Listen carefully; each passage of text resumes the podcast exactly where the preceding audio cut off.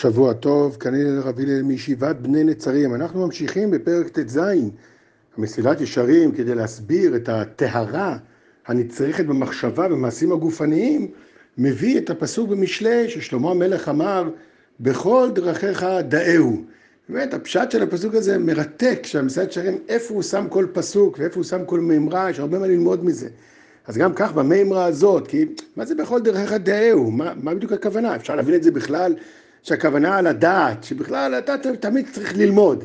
אבל ההקשר פה בכל דרכיך, הדגש הוא על דרכיך, לא כתוב בכל מצוותיך, זה ברור, מצוות, אדם צריך תמיד לדעת את השם על ידי קיום המצוות. אין שהוא מחויב לקיים את כל המצוות, ואין שברור שזה מצוות צריכות כוונה כללית לפחות.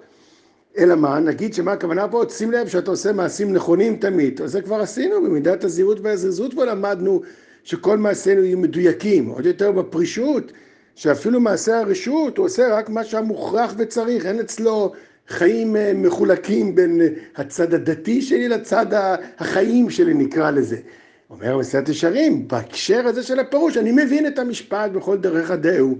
כלומר, גם בשעה שאני עושה מעשה שהוא בסדר, ואצל המדרגות הקודמות של הצדיק זה, זה מעשה רשות, אצל הפרוש גם שם טהרת המחשבה נעשית. כמו שהסברנו פעם שעברה, שהוא פועל את הדבר לא מתוך הצד התחתון, התאוותני של החיים, אלא הוא עושה את זה גם את המעשים האנושיים, הרגילים, מעשי החיים, מה שכולם עושים וזה בהיתר, הוא עושה את זה מהצד הדעת שבו.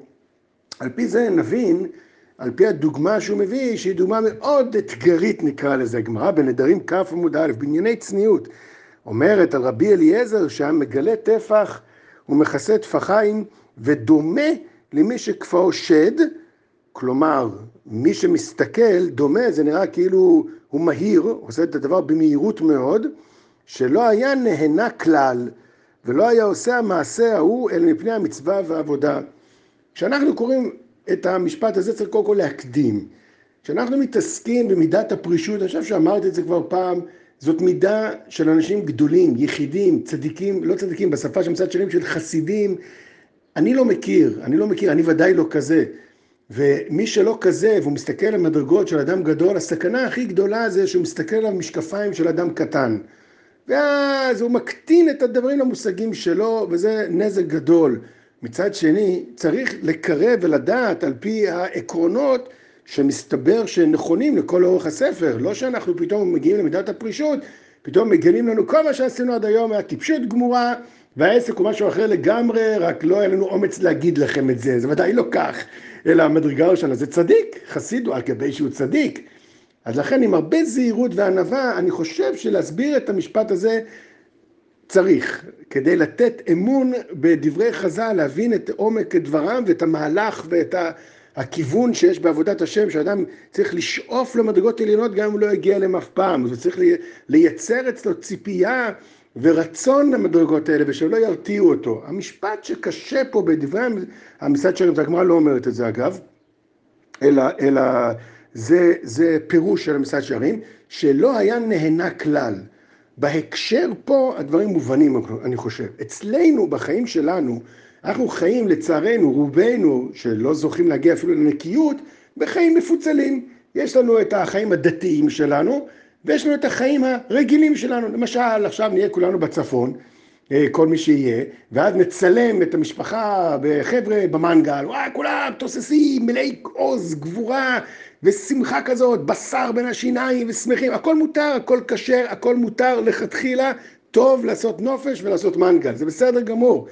לעומת זאת, שמתכנסים כולם להתפלל, אה, זה כן, כמו שאתם יודעים, במעיין, יא, בואו מנחה, בואו נתפלל, כל אחד שם על עצמו איזה מגבת, אתה לובש קצר, בואו נעשה קצר, ומתפללים ככה, וחוזרים לשמחה וששון של המנגל. זה צורת החיים שלנו, שאנחנו מכירים, לצערנו, מי יותר מי פחות.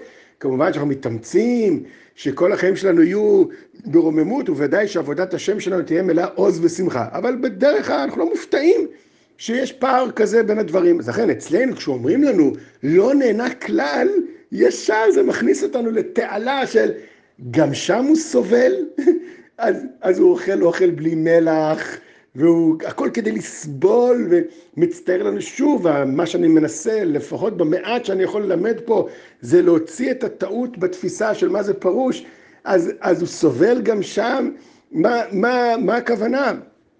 אלא ששוב, במדרגות הפרוש, מה שאמר המשרד שלהם בכל דרכך דאהו, אצלו גם המעשה הזה, כשהמשרד שלהם אומר שהוא לא נהנה כלל, הכוונה, זה לא בא אצלו ממקום אחר בנפש, אלא כל העשייה שלו היא באה מתוך הדעת שבו, מתוך התעוררות הנשמה שבו, אז אדם אדיר מלא חיים. אני לא יכול להגיד נהנה, כי נהנה זה מושג שאנחנו מבינים אותו אצלנו בצורה ארצית ונמוכה.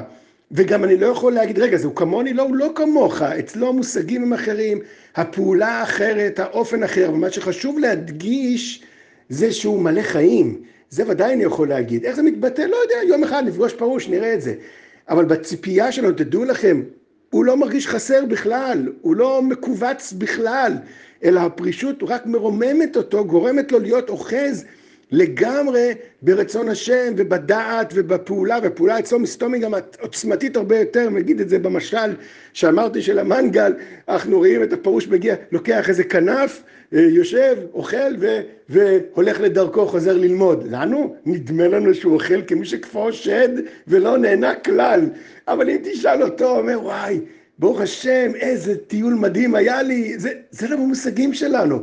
וחלילה חלילה, זה לא בא להשרות עלינו איזה מין קריצה, אתם חוטאים שכמותכם. לא, לא, אנחנו בסדר גמור. אבל הפרוש במדרגה הרבה יותר עליונה, וזה כל מה שאנחנו חווים כחוויית חיים, אני בטוח, אני משוכנע בזה, שאצלו זה פי אלף יותר, הוא לא מבין איך אנחנו נשארים, כי הוא מבין, כי הוא פרוש, אבל הוא לא מבין בצורה מטאפורית, הוא לא מבין איך אנחנו נשארים, בה, מסתפקים בהנאות זולות כאלה, ב... אתה לא מבינים מה זה עונג יותר גדול מדבר כזה, אתם לא יכולים להבין בכלל בעיניים, כך אומר הפרוש לנו. אני דומה שכפו שד, אתם, נראה לי, אתם עדר של שדים, אה, אה, אה, גדוד של שדים, מבלבל לכם את המוח ואתם שוקעים בתוך הבשר, על מה אתם מדברים בכלל? כל טוב ושבוע טוב.